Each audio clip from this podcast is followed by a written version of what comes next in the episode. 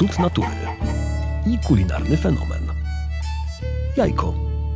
Perfekcyjna porcja pożywienia, dostarczająca nam wszystkich tych białek, których nie potrafi wytworzyć nasz organizm, oraz masy innych substancji odżywczych jak witaminy A, B, D, E i K, selen, cynk, jod, magnez czy żelazo. W swoim jadłospisie mają je chyba wszystkie kultury, a tak dla religii, jak i dla sztuki stanowi potężny symbol. Za sprawą własności rozmaitych białek, które zawiera, wyzwala w kuchni niebywałą kreatywność, tworzy rusztowanie dla sufletów i biszkoptów, zapewnia konsystencję kremom, a spójność klopsom. No i trudno wyobrazić sobie bez niego śniadanie. Zwłaszcza to wielkanocne. Podcast powszechny. Weź, słuchaj. Tu podcast powszechny w studiu Tygodnika Powszechnego przy Wiślnej 12 Michał Kuźmiński, a ze mną Paweł Brawo. Cześć Pawle. Cześć, dzień dobry. Szef działu kraj, felietonista kulinarny, znany Państwu z łamów Tygodnika, który swój felieton w ostatnim numerze zaczyna słowy następujący. Widzisz jajo, oto czym możesz obalić wszelkie szkoły teologii i wszystkie świątynie świata. Wytłumacz się z tego, bo to ciężkie słowa na Triduum Paschalne. Tak, to prawda. To są słowa mm, z jednego z dialogów y, Diderota, który mm, te słowa zwraca do wyimaginowego swojego rozmówcy D'Alemberta, a chodzi mu o to, że zaraz potem tłumaczy w jaki sposób y, jakby w jaju i w tym, co się z tego jaja wykluwa, w przemianach, które ono doznaje, jakby tkwi y, tajemnica życia, które jakby no, samo z siebie powstaje, wyłącznie pod wpływem ciepła. Znaczy jak z bezkształtnej, zupełnie nieczującej pozbawionej świadomości masy stwarza się coś.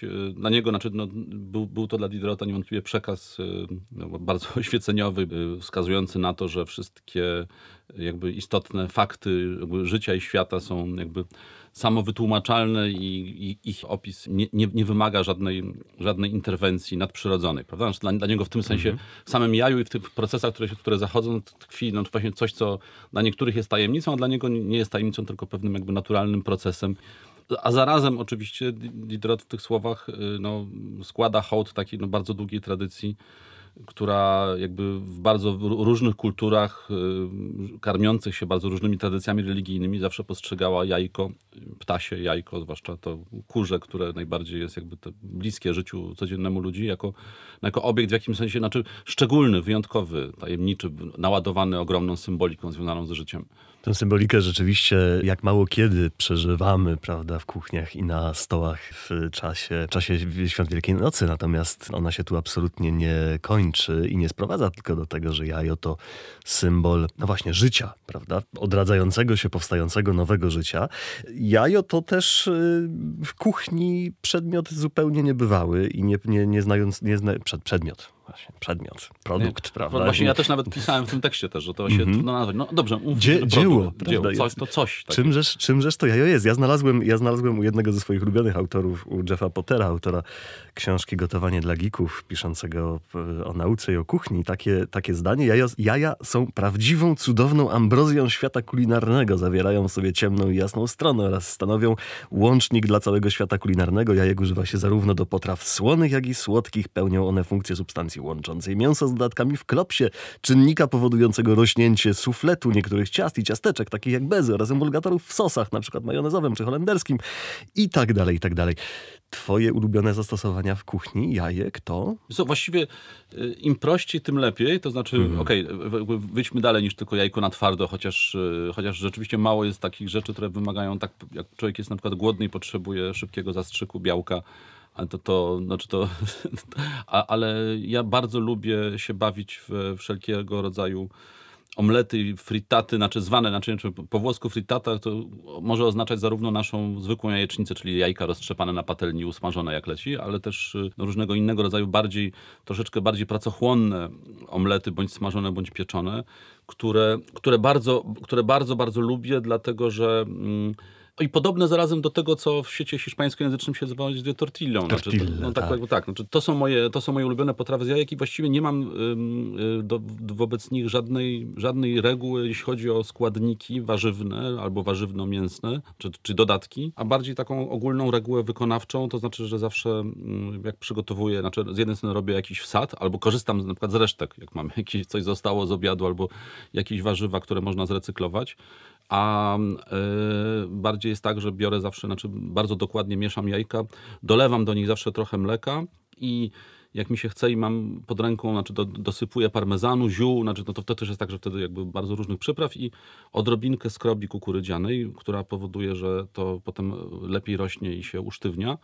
I zwykle staram się je, je, taki omlet piec, jeśli mam tylko czas w piekarniku, zapiekać w nie, niezbyt wysokiej temperaturze, około 150 stopni w takiej foremce wysmarowanej masłem, dlatego, że ona potem, zwłaszcza jeśli tam dodamy tej trochę skrobi, to nam to pięknie rośnie i tężeje i potem zamienia się to w taką właśnie tortillę czy, czy fritatę, którą można zjeść na szybko, na ciepło, albo pokroić w kawałki, trzymać w lodówce, albo za, zawinąć folię aluminiową i zabrać ze sobą do pracy i odgrzać w mikrofali. To jest bardzo też takie danie, które bardzo lubię, bo ono dość, jest dość, dość trwałe, wygodne w przenoszeniu i odgrzane w biurowej mikrofali jakby jest równie dobre jak, jak w domu. Znaczy, więc, więc to jest tak naprawdę moje podstawowe zastosowanie jajek, ale mam też jeszcze inne, jakby, które jest związane z tradycjami bardziej blisko wschodnimi, czyli, czyli szakszuka, czyli jeszcze... O, tak. No właśnie, znaczy on, o której pewnie ty możesz więcej powiedzieć. Ja absolutnie nie, nie, nie, nie śmiałbym mówić więcej od ciebie, ale rzeczywiście jest to u nas w kuchni e, w sezonie na pomidory jest to absolutnie rytuał, rytuał niedziel e, bądź sobót, bo na szczęście weekend ma dwa dni, więc nie trzeba rozstrzygać tego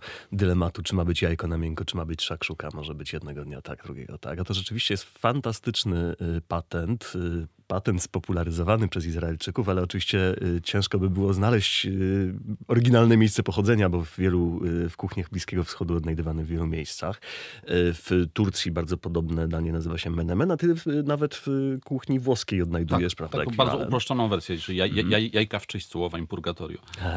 Ja, ja, ja muszę powiedzieć, że, że u nas w kuchni ono, szakszuka, która powinna być takim daniem nad jajkami wysadzonymi na długo rozpiekanym tak. sosie pomidorowym z papryką, papryką. My mhm. zwykle tą paprykę pomijamy. Fajnie jest tam sobie dorzucić jeszcze jakieś zioło, jeszcze jakieś, mhm.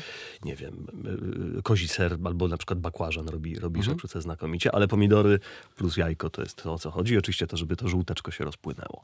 Ale właśnie rozpłynęło, znaczy, bo, bo dla mnie, bo szakszuka znowu, to też jest trochę tak jak na przykład często powtarzam, że risotto to na przykład to nie jest nazwa konkretnej potrawy, bo właściwie składniki mogą być dowolne, tylko nazwa pewnej techniki, pewnej procedury, to tak jak z szakszuką. Znaczy, że rozumiem, że to, co jest ważne, to jest, owszem, muszą być pomidory i ja na przykład, dla mnie musi być papryka, dla ciebie nie, ale mhm. nie ma kanonicznie, nie, nie ma czegoś takiego, że musi coś być, ale musi być jedno, to znaczy bardzo dość mokry sos, który bulgocze na bardzo wolnym ogniu pod przykryciem, znaczy, a w, jakby w, w, w, który wbijamy jajko całe tak i że ono dochodzi pod wpływem ciepła pary, bardzo powoli pod wpływem jakby ciepła tej pary, która jest się gromadzi pod, pod przykryciem. I, mhm. znaczy, i, I rozumiem, że ty je trzymasz na tyle krótko, żeby żółteczko jeszcze było bardzo płynne i potem się mieszało z tym sosem. Tak, tak lubimy. Tak, a, a, ja nawet, mhm. a ja z kolei lubię czasami tak przeciągnąć, że, że jest prawie na twardo, ale rozumiem, że się przyjemnie jest, kiedy ten żółtko się miesza z Miesza sosem. z tym sosem, oczywiście. Jeszcze jest tak, bo, że w twojej wersji, o ile pamiętam, jak mi to kiedyś opowiadałeś, lubisz ten sos mocno roz, y, rozgotowany, rozpieczony, prawda? Tak, Natomiast... tak, tak, całkowicie. No taką mm -hmm. właściwie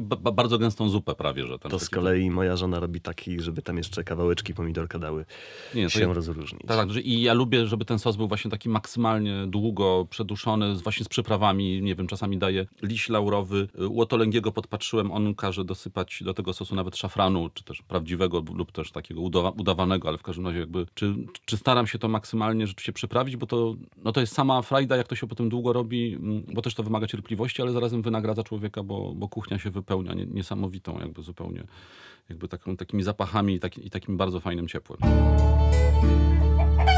W wypadku szakszuki, no to jest bardziej kwestia tego, też, też tej gry niesamowitej między ściętym białkiem, a, a jeszcze ciągle półpłynnym żółtkiem, bo te substancje mają, te dwie, części mają inne temperatury koagulacji, co pewnie jakby tam jest. To zawdzięczamy rzeczywiście rozmaitości białek, jakie Właśnie. w jajku się znajdują i rzeczywiście jest tak, że te białka, które zawiera żółtko, y, są, mają trochę wyższe temperatury, y, się nawet przygotowałem, mam tutaj Właśnie. stosowne notatki, mają, mają nieco wyższe temperatury ścinania niż te białka zawarte y, w białku, jakkolwiek paradoksalnie to nie brzmi. I tutaj operujemy gdzieś mniej więcej w takich temperaturach od 62 do 65 stopni ścinają się te białka białka. Czyli te, tak, te białe jakby, tak, tak? A między 65 a 70 stopni zaczynają się ścinać y, białka żółtka. W 80 stopniach ścina się owalbumina i się nam gotuje na twardo.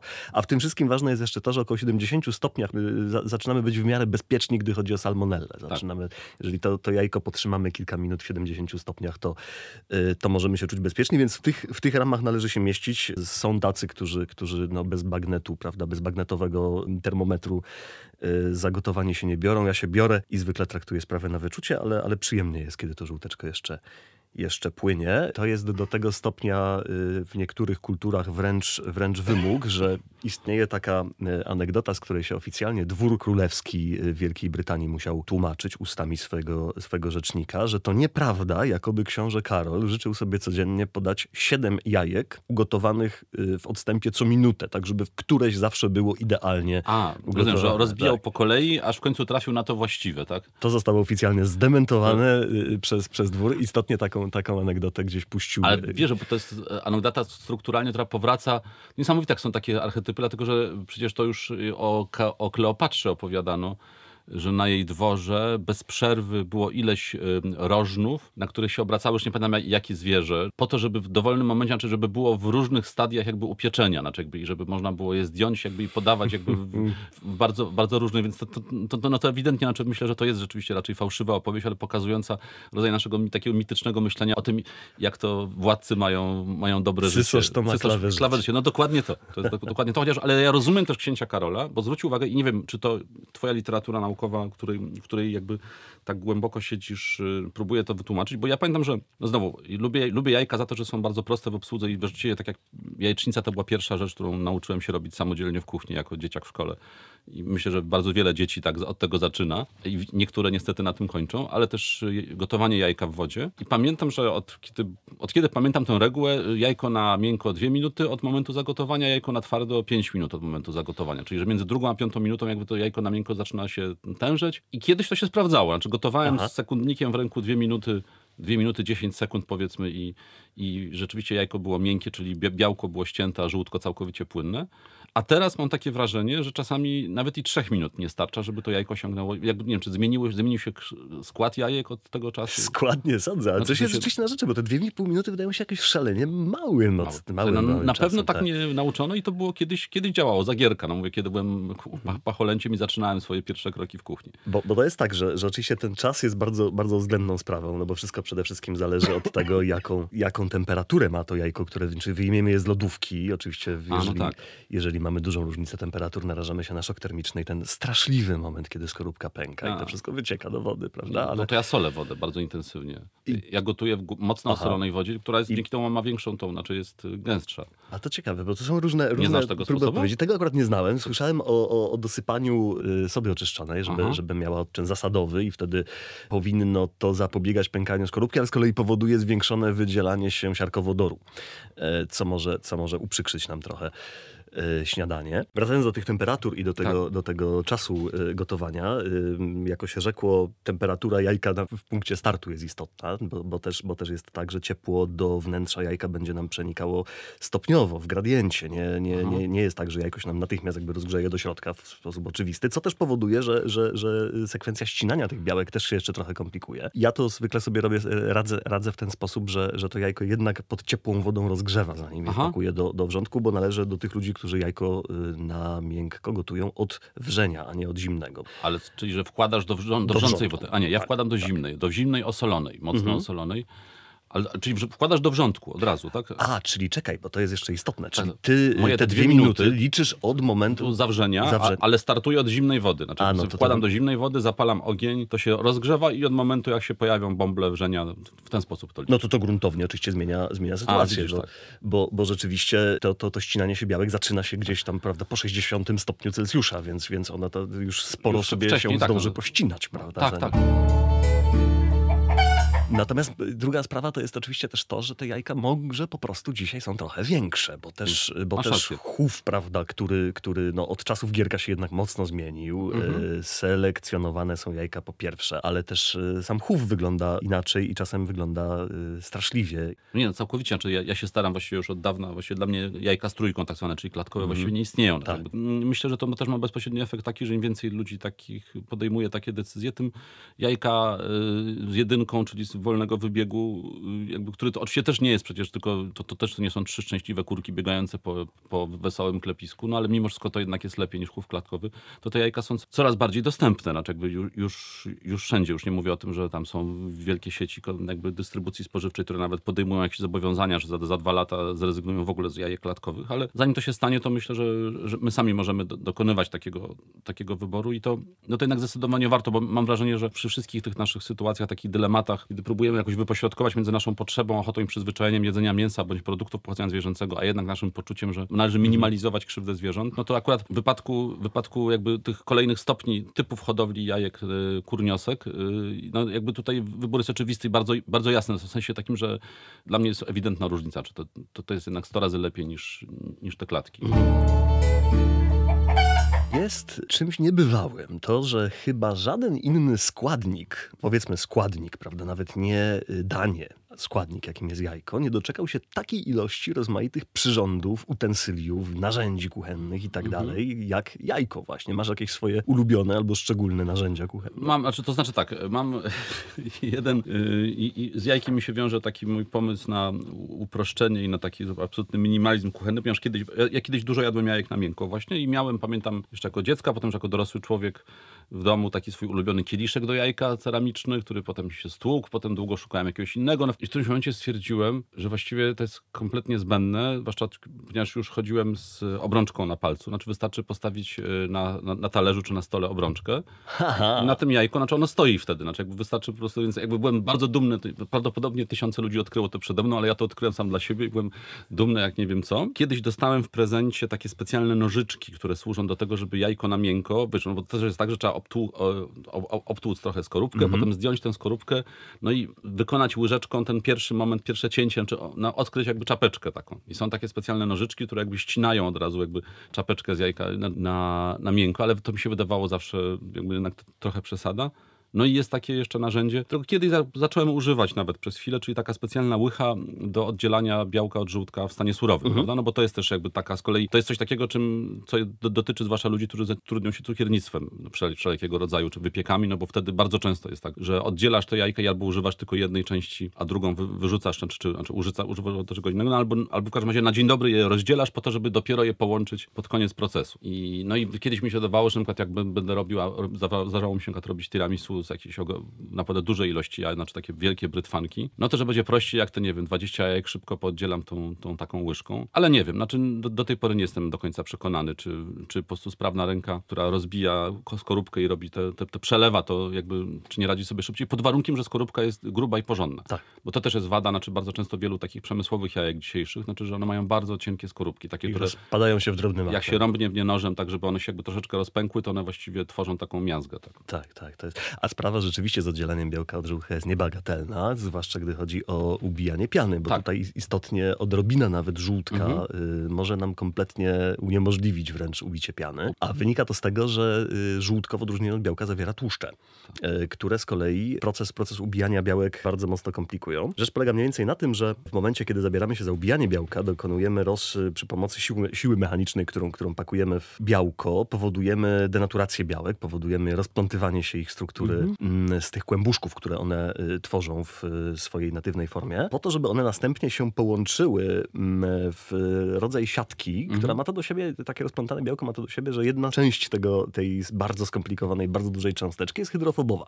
One się wszystkie odwracają w taki sposób, że zaczynają otaczać y, bąbelek powietrza. I kiedy one się jeszcze ze sobą bardzo ładnie połączą, dostajemy taką siateczkę, mieszaninę powietrza w płynie, potem jak to utrwalimy, to, to dostajemy, że upieczemy bezę, to dostajemy mieszaninę powietrza z ciałem stałym, czyli tak zwany aerożel, proszę Państwa. No ale w momencie, kiedy nam się w ten proces wetnie tłuszcz, zaczyna konkurować o miejsce na, na, na tym bąbelku, natomiast nie oferuje, nie oferuje możliwości budulcowych. I zaczyna nam tę pianę psuć, co nawiasem mówiąc też jest przyczyną, dla której, dla której lepiej do ubijania e, piany nie używać e, plastikowych misek, bo one ze względu na swoją budowę lubią zatrzymywać cząsteczki tłuszczów również na Tak, znaczy właśnie to chciałem powiedzieć, że nie tylko nie, nie tylko nie możemy dopuścić do tego, żeby nam żółtko skapnęło do białka, ale też jeśli na przykład w danej misce wcześniej ucieraliśmy masło z cukrem, to naprawdę znaczy weźmy inną miskę albo ją naprawdę cholernie dokładnie wyszorujmy, bo wszelkie ślady tłuszczu jakby też z zewnątrz mogą zepsuć całą zabawę. Znaczy 100 razy lepiej wobec tego jest mieć metalową miskę, którą można nawet dla pewności, nie wiem, na przykład przetrzeć y, kawałkiem cytryny, na przykład czy jakiegoś kwasu, no ale no, w kuchni najbardziej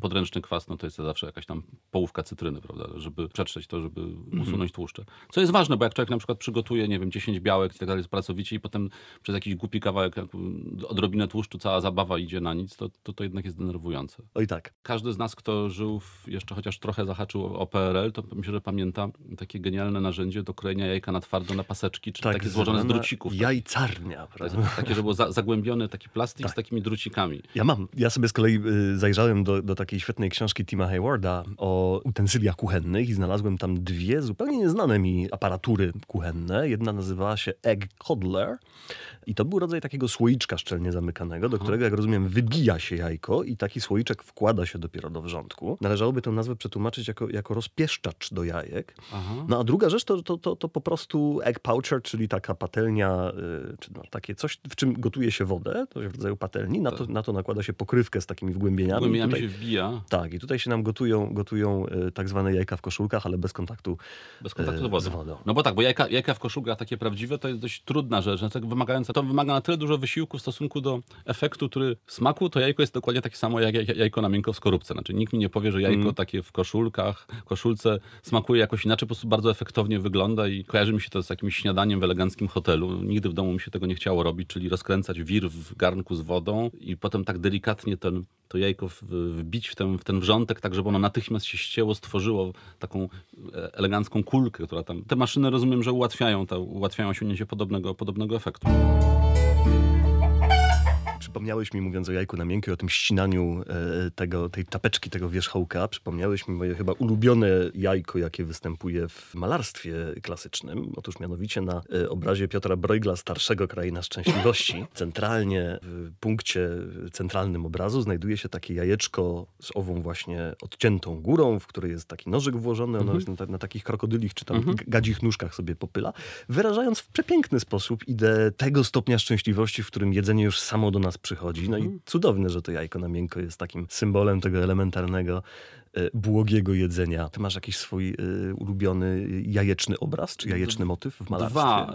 Dwa. Znaczy jeden taki obraz, który mi zawsze działa na mnie magnetycznie, nawet kiedy go widzę w internecie, znaczy na, na ekranie komputera, czyli tak zwana Madonna z Bredy Piera della Francesca, taki ołtarz mm ma, ma e, Matki Boskiej z dziesiątkiem świętymi, które są jak to upiera dla Franceski. Oni, wszystkie te postacie są zastygłe w takim jakby platońskim, takim bezruchu, ale takim bezruchu, który nie jest martwotą, tylko ono, to są postacie jakby no, widać z innego świata, znaczy odsyłające gdzieś do idealnego świata. Są takie nieruchome i ten, do, do, tego jeszcze z y, sufitu, który jest w kształcie takiej ogromnej muszli, nad głową, nad, nad głową ma Maryi jakby na, na, takim cieniusieńkim łańcuszku, to nie jest sznurek, tylko to jest taki drobniutki ogniwek łańcuszek, zwiesza się dokładnie nad jej głową jajo. Po prostu takie szare, też właśnie mm. takie jakby y, szare, dość abstrakcyjne jajo, które no właśnie jest tutaj, znaczy w tym wypadku na pewno symbolem jakby, jakby odrodzenia życia, jakby wiecznego życia, to, to co do tego to nie mam wątpliwości, chociaż tutaj pomysł Piera był absolutnie jego własny, a, a drugi, znaczy w sensie takim, że to,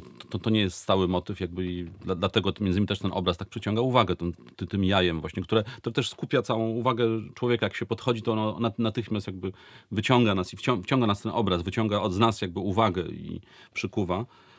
A drugi jest obraz, który bardzo lubię i który też zresztą w internecie jest dość dobre, dobra reprodukcja jego. To, to jest mm, Diego Velasquez y, Chrystus w domu Marii i Marty, czyli sióstr Łazarza. To jest obraz y, z National Gallery w Londynie, który mm, zawiera, raczej jest w ogóle bardzo ciekawy, bo to jest taki obraz, który pokazuje, jest tak, że, że, że Chrystusa i Marię, czyli tę siostrę, która, która postanowiła Chrystusa słuchać, jakby skupić się na kontemplacji jego słów, a nie na robocie w domu, prawda, żeby go ugościć. Widzimy tylko w odbiciu w lustrze, jakby to jest taki obraz w obrazie, to jest, to, to Velasquez bardzo sprytnie, on bardzo lubił często przecież, znaczy mm -hmm. lustra u niego w obrazach są szalenie ważne i to jest, to jest przykład, bo to jest bardzo wczesny obraz. Widać, że on już jako dziewiętnastolatek stosował ten chwyt z lustrem, a na pierwszym planie widzimy Martę, czyli tę siostrę, która postanowiła wziąć się do roboty i zakrzątnąć i ona uciera w moździerzu y, czosnek, ma obok tego na y, stole wyłożone, znaczy na, na w misce śledzie i a w, na takiej miseczce obok jajka. I też bardzo, z kolei ba, bardzo lubię, bo to jest y, bardzo ładna taka no mikro, jakby martwa natura, czy w obrazie, który nie jest martwą naturą, te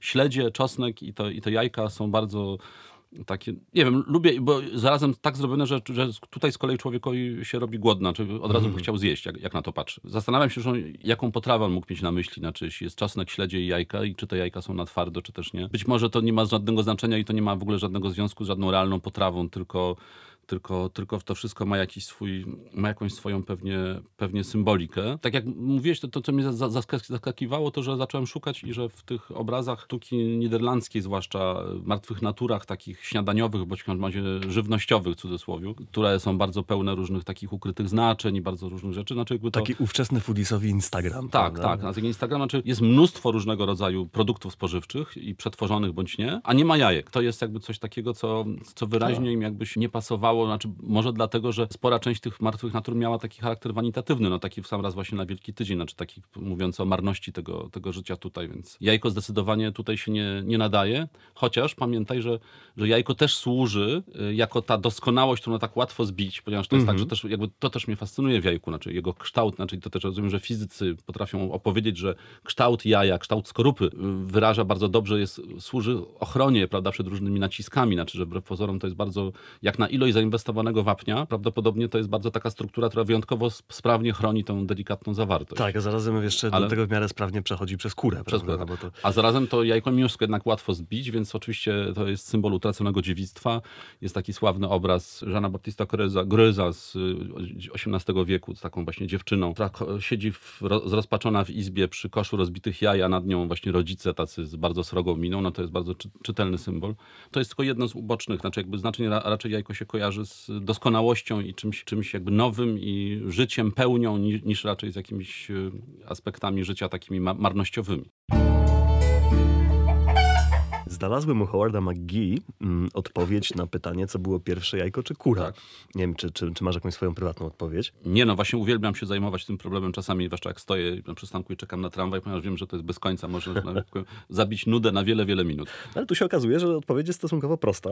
O miliony lat wyprzedza, wyprzedza jednak kurę jajko. Y, no i jak pisze McGee, zawdzięczamy te nasze suflety i jajka sadzane wynalezieniu przez naturę seksu, czyli konceptu wymiany genów przy rozmnażaniu. Wtedy do, do, do tego potrzebne były wyspecjalizowane komórki, e, kiedy już pojawiły się organizmy wielokomórkowe. Około miliarda lat temu e, pojawia się owa komórka jajowa wraz z wielokomórkowymi organizmami. Natomiast kiedy już organizmy owe przestają sobie funkcjonować w spokojnym, mniej lub bardziej, ale jednak wodnym środowisku i wychodzą sobie na ląd, te 300 milionów lat temu pojawiają się gady lądowe i one już potrzebują takiego dość wyspecjalizowanego aparatu mhm. do, do umożliwienia temu swojemu potomstwu rozwinięcia się i przeżycia, to wtedy pojawiają się jajka. Natomiast kury pojawiają się dopiero 7,5 tysiąca lat przed naszą erą w południowo-wschodniej Azji. 800 lat y, przed naszą erą pojawiają się w Grecji. Zwane są zresztą perskimi ptakami wówczas. I chyba jak, jak, jak mało które zwierzę zrobiły one karierę. Właśnie się zastanawiam, znaczy z jakiegoś powodu, jak rozumiem, człowiek szybko odkrył, że akurat te konkretne ptaki dadzą się tak hodować, żeby się niosły wyjątkowo. Chociaż jakby i tak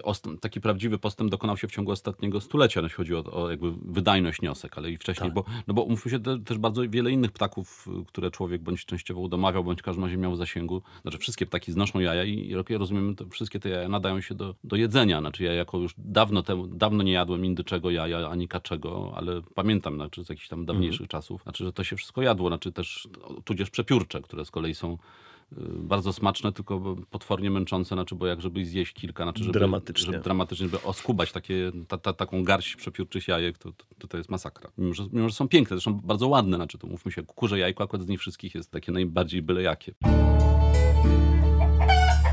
Wiesz, że wyczytałem swoją drogą w y, portalu y, spożywczym za zeszły rok dane, które mnie trochę zdziwiły, bo okazuje się, że Polacy są jednym z e, najmniej chętnie jedzących jajka y, narodów. Jemy ich 160 rocznie mniej więcej, czyli tam nieco ponad 13 na e, głowę na miesiąc. Francuzi i Włosi 215, Niemcy 235, Meksykanie 370. Czyżby pokutował u nas jeszcze ten pogląd, że jajka są niezdrowe? Nie, myślę, że on, on się pojawił, znaczy cholesterol, żółtko tak. i tak dalej. To, to, to to jest pomysł, wiesz, jakby myślę, że, że niskie spożycie jajek, to ciekawe, znaczy, bo to, to, to, to zastanawiam się, czy to jest związek z, wią- związane w ogóle z tym, że ciągle jakby żyjemy w takim kraju, który ma, znaczy w naszej w kulturze, której, której jakby cała ta kultura materialna i zwyczaje spożywcze są związane z jakąś jednak bardziej dawną wiejską biedą. Chociaż właśnie akurat jajko jest no, jednym z naj, najbardziej takich poręcznych i w sumie znacznie tańszych sposobów na pozyskiwanie białka zwierzęcego dla organizmu niż, niż, niż, niż jedzenie mięsa, bo kurę jak zabijesz, to ją zjesz raz, prawda? a jak się niesie, to, to, to jest zaskakujące. Nie, nie,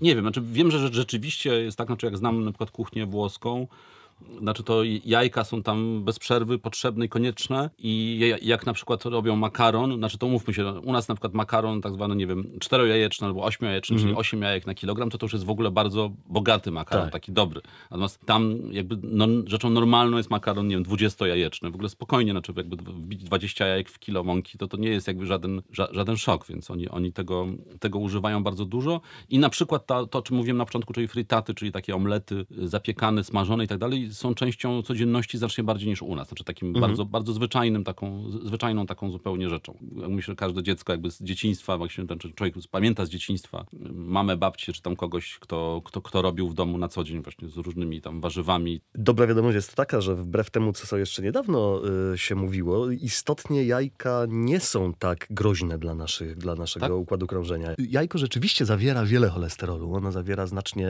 więcej y, cholesterolu niż taka sama porcja, między 4 ponad 4 razy więcej niż taka sama porcja y, mięsa, a to z tego powodu, że cholesterol jest budulcem komórek, które, które y, no jednak y, embrion musi wytworzyć w tym jajku, jeśli oczywiście mu w tym brutalnie nie przeszkodzimy. Natomiast geniusz jajka rzeczywiście coś jest na rzeczy, mówisz o tym kształcie, ale, ale, ale też to, co wewnątrz i zarówno jak chodzi o skład i zarówno jak chodzi o samowystarczalność, okazuje się, że, że białko jajka to nie tylko pożywienie, bo to do odżywienia embrionu służy głównie żółtko, tam są tłuszcze y, nienasycone, tam jest lecytyna, tam jest, tam jest wspomniany cholesterol. Natomiast białka białka y, mają też bardzo poważne właściwości obronne dla tego, dla tego embrionu. One, one działają między innymi tak, że, że niektóre z nich y, rozkładają błony komórkowe bakterii, inne wiążą z kolei żelazo i witaminy, tak żeby nie stanowiły pożywki dla bakterii, tylko zostały dla embrionu, a jajko to to rzeczywiście skarbnica substancji odżywczych, no z tego prostego powodu, że ono po prostu musi